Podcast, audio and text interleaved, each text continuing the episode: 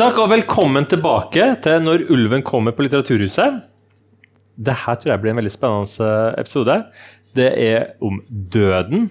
På en måte ligger oss nær, men samtidig noe som vi på en måte fornekter litt og har litt sånn Noe som er langt unna. Og, og plutselig så kommer man i en situasjon hvor man må forholde seg til det.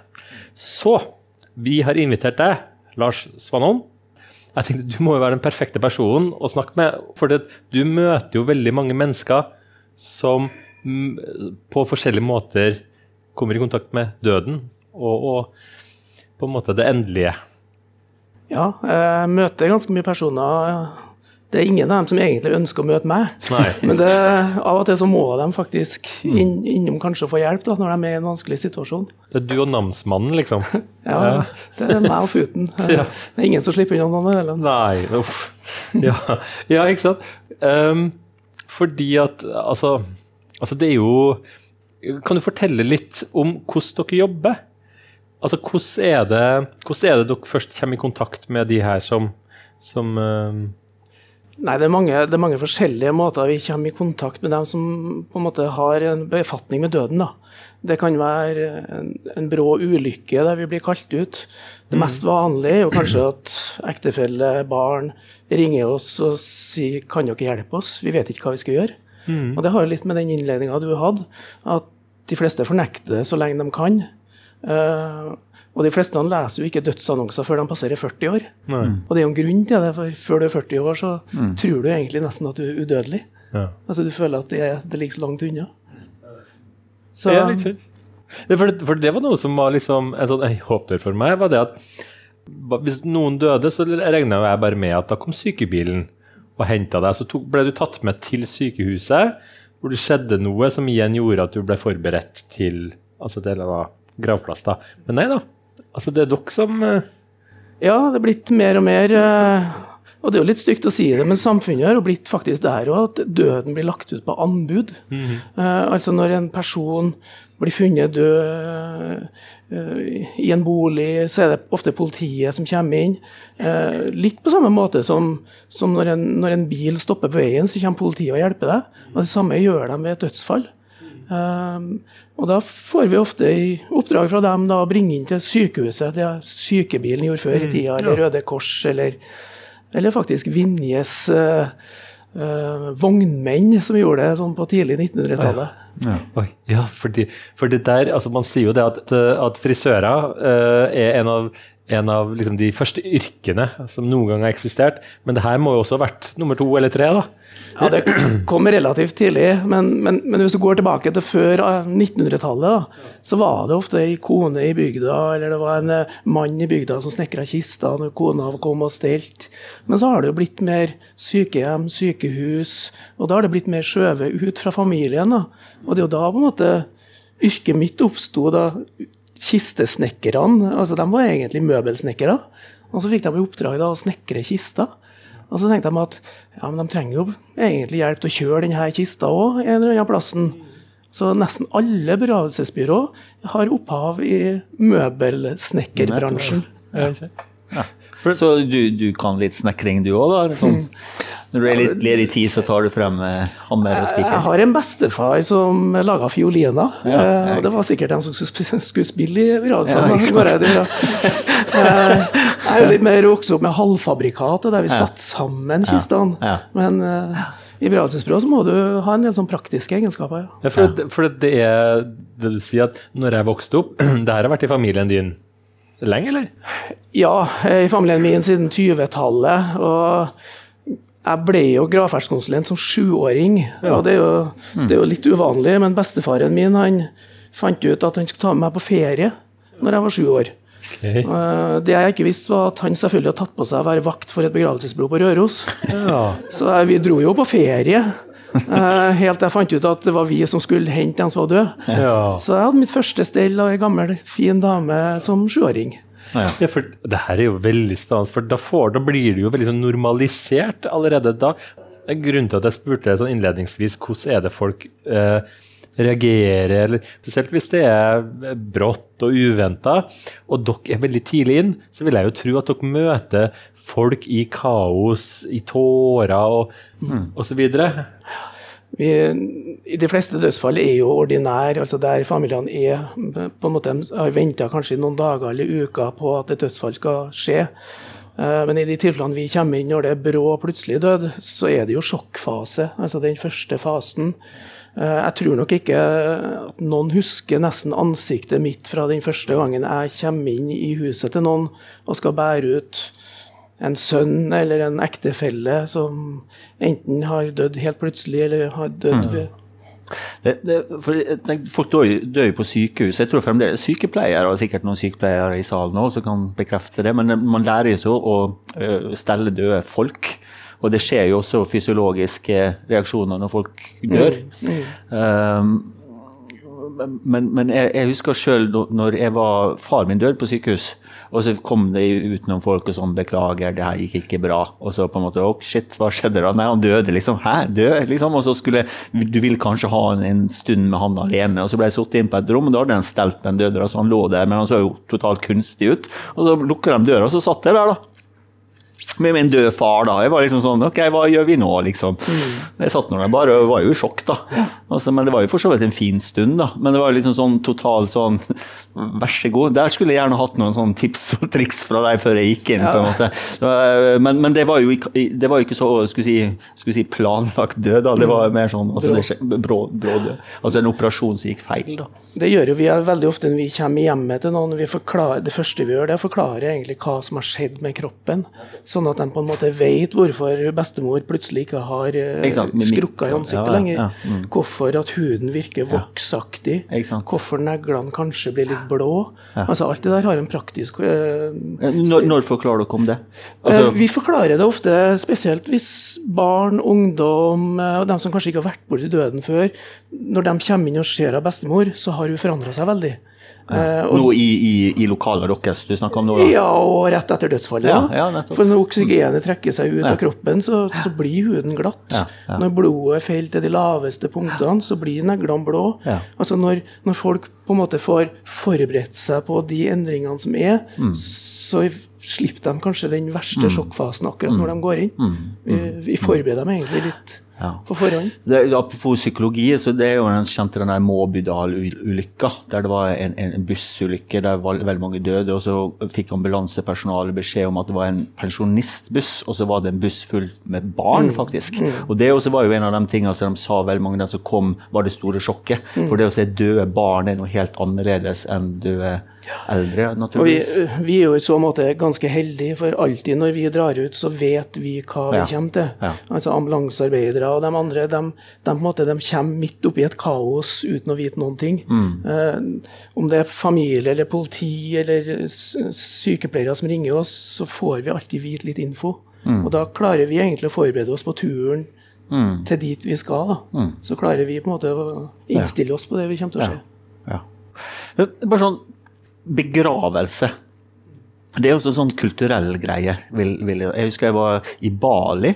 Og der hadde de døde folk i formalin på kjøkken i to uker. Av, sannsynligvis for å få god tid til å Kanskje det var noe praktisk òg, at det er kø i eh, Jeg vet ikke. Men og du hører om folk så, sant, i, i, India så, så, brenner de folk, og, og, og eh, i, i, Bali så synger de og løper gjennom mm. gatene og sånn. Så, hvordan er det der med, med norsk tradisjon i altså Jeg vet jo hvordan begravelse er, da, men mm. ser du noen endring der? Er det noen som, du, er det noen som bestiller den type begravelse i Norge?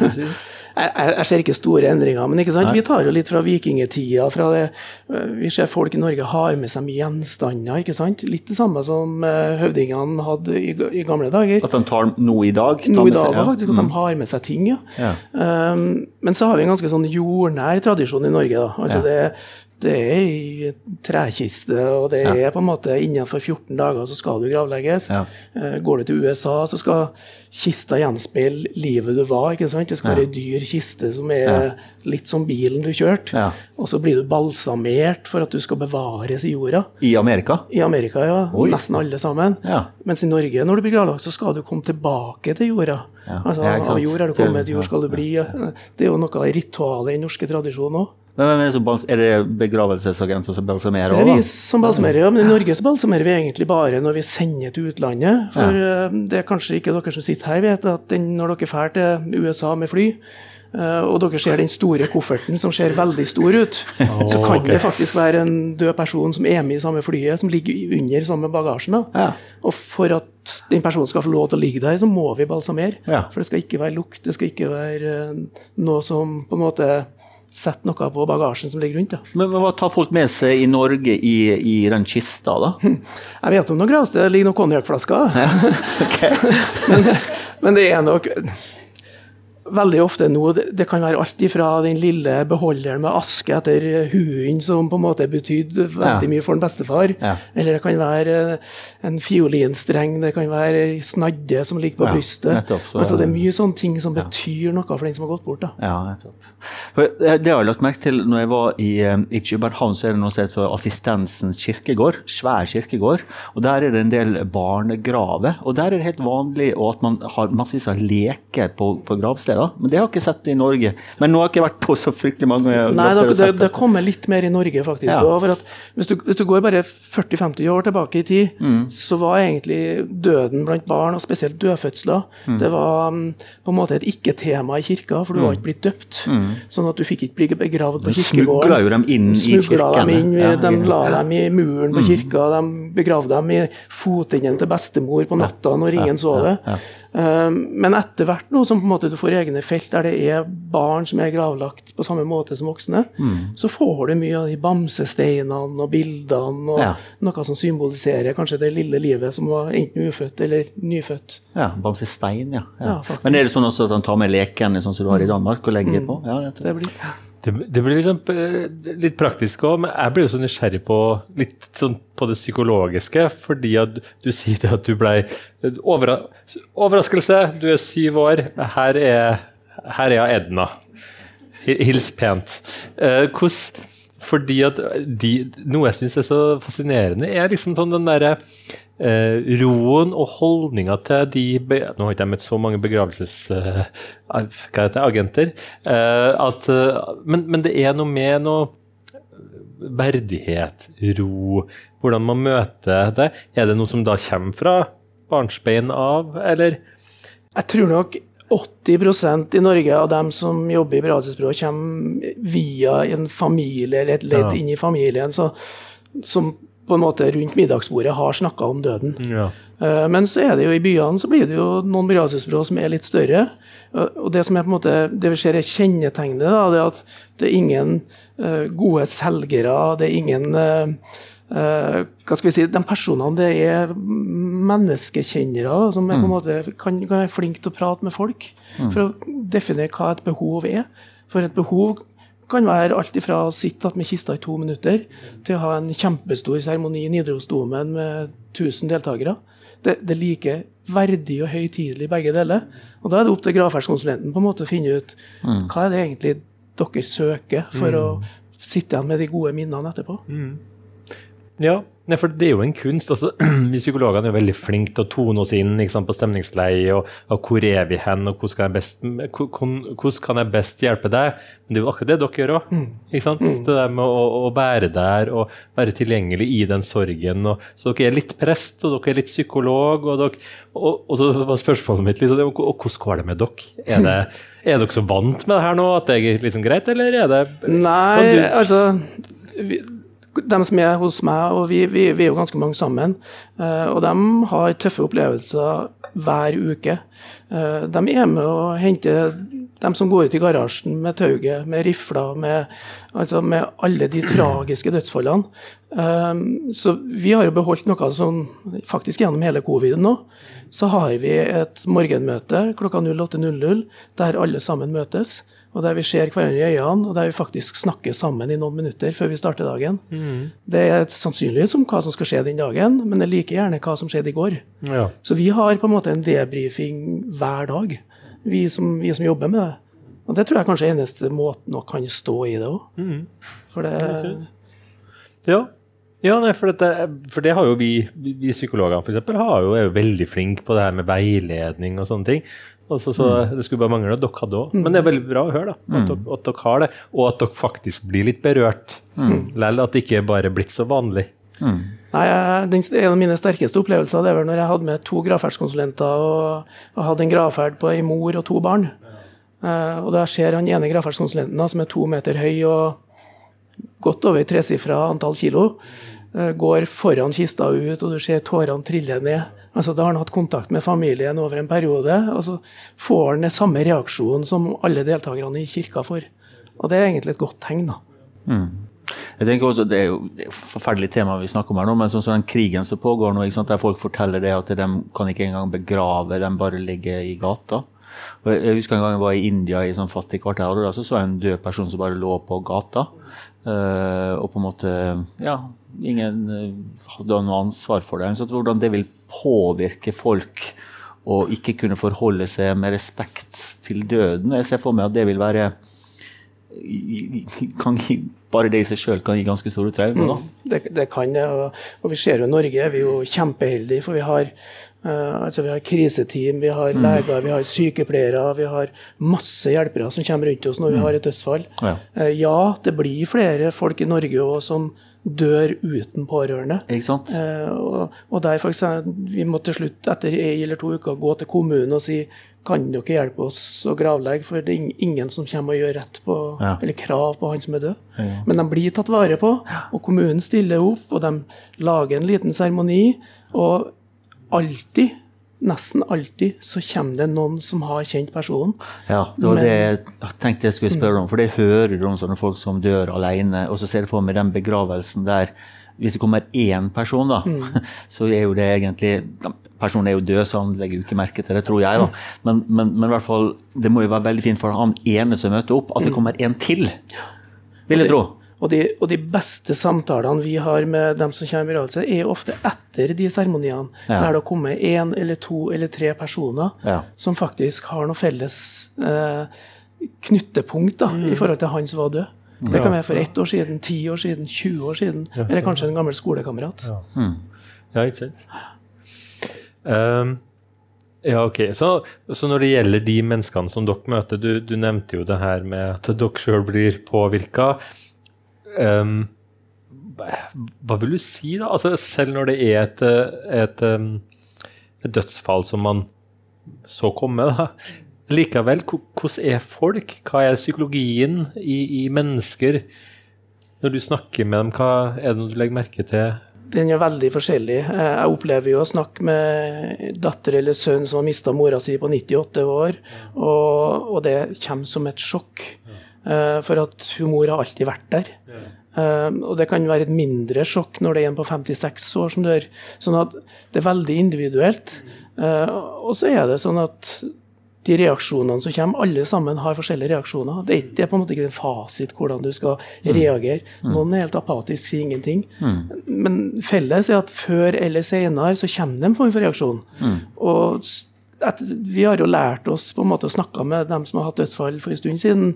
Og jo tidligere reaksjonen kommer, jo, jo tidligere starter egentlig den sorglinja, som vi sier da, som alle sammen er gjennom på et vis. Første bursdagen, første julaften, første påska. Eh, og det er jo tøffe plasser.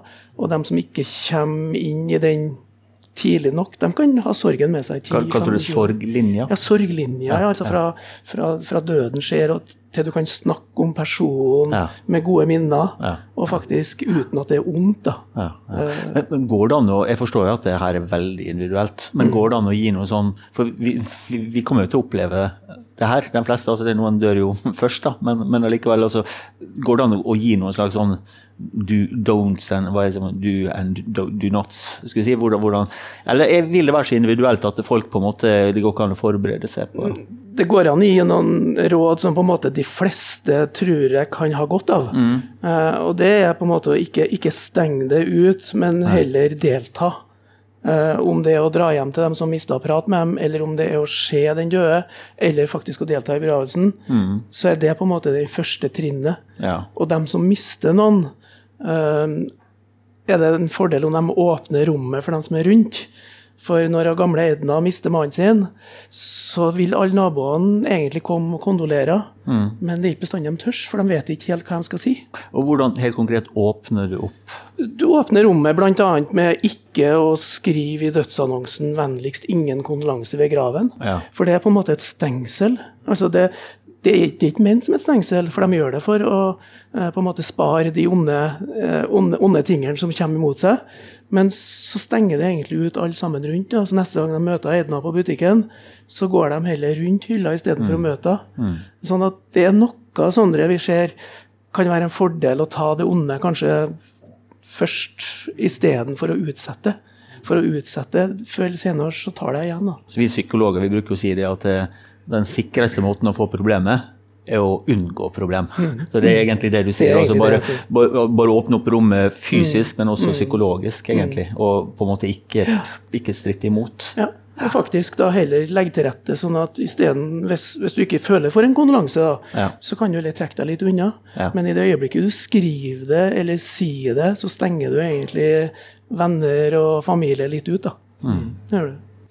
Å liksom litt samme tema, bare, men ned på barn. For barn de har litt større problemer med å forstå, kanskje, og, og, og forstå eh, Altså, vi har en sånn Vi psykologer vi pleier å snakke om at i åtteårsalderen så, så kommer det en sånn forståelse hos barn på hva døden er, at noe faktisk er uendelig og, og sånne ting. Eh, hvordan, hva, hva er dine tanker rundt det? Ut ifra alle de tilbakemeldingene vi får, så er det på en måte eh, hvis, hvis foreldre lurer på hvordan skal vi inkludere sjuåringen eller åtteåringen eller tiåringen, vær ærlig. altså Forklar hva som skjer. Ikke si at bestemor er oppe i himmelen og kikker ned på oss, for da, da lurer de på hvor heisen er. Mm. Altså, det er litt sånn, de, de, tenker, de tenker litt annerledes, i hvert fall under åtte år. da. Ja. Så er det litt sånn heller, heller si at kroppen eller bestemor er sliten, hun er død, hun blir gravlagt i jorda, hun blir tilbake til jorda, og så blir det til liv igjen. Så Det er jo det, er jo det som faktisk skjer. Så det er noen sånne som du kanskje skal styre unna litt, da, for det, barna de tenker helt annerledes enn det vi gjør. Så er jo med dattera mi, da. Psykolog og barn, vet du.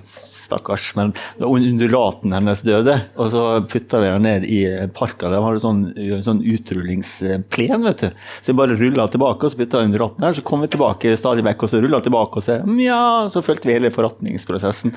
Og det er jo sterkt anbefalt å, å gjøre det. Håper Ida, hvis du ser på programmet her nå, så til, til Jeg tror ikke vi skal anbefale det til bestemor, da. Det tror jeg kan bli litt Det er jo billigere, da, må jeg si. Ok, rolig, rolig. Uh, jeg tror vi skal begynne å gå, gå inn for eh, landing. Er det noe, er det noe som vi ikke har snakka om, som, er, det- som du opp- tenker er viktig å få nevnt sånn mot slutten, eller? Nei, jeg tenker um, alle sammen altså Én ting er sikkert, vi vet at vi skal dø eh, før eller senere. Eh, de sier at det er én som har sluppet unna, men jeg vet ikke helt om jeg tror på det. Eh, men det som er viktig, er at mens en lever, eh, så er en fin pekepinn da, for å kanskje få et godt liv, det å faktisk innimellom tenke på hva ville mine nære ha sagt i en minnetale om meg. Altså for det, det er da på en måte den ærligheten kommer fram i forhold til hvordan ønsker du at minnet etter deg skal være. Er det at du skal ha vært sporty, eller har du vært en, en, en god bestefar, eller har du vært en snill mann? Altså Det er på en måte hele tida å reflektere litt over eh, hvordan vil jeg at jeg skal, minnet etter meg skal være. For det er jo det vi sitter igjen med til slutt, det er jo minner.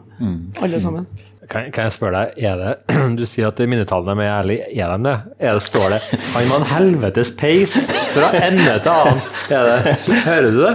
Jeg hører faktisk mer og mer at folk er ærlige i minnetaler, ja. Ja. Men jeg har òg hørt på prester for 20-30 år siden stått og forherliga en person som alle sammen sitter og rister på hodet i kirka, som ikke kjenner igjen. Så, men, men det har blitt ærligere, og det har blitt på en måte mer en stund for å minnes den personen som har gått bort, da. uansett hvordan han egentlig var. Jeg syns prestene har blitt ærligere òg. Eh, Jeg husker det var en, en prest, det var et lite barn som døde.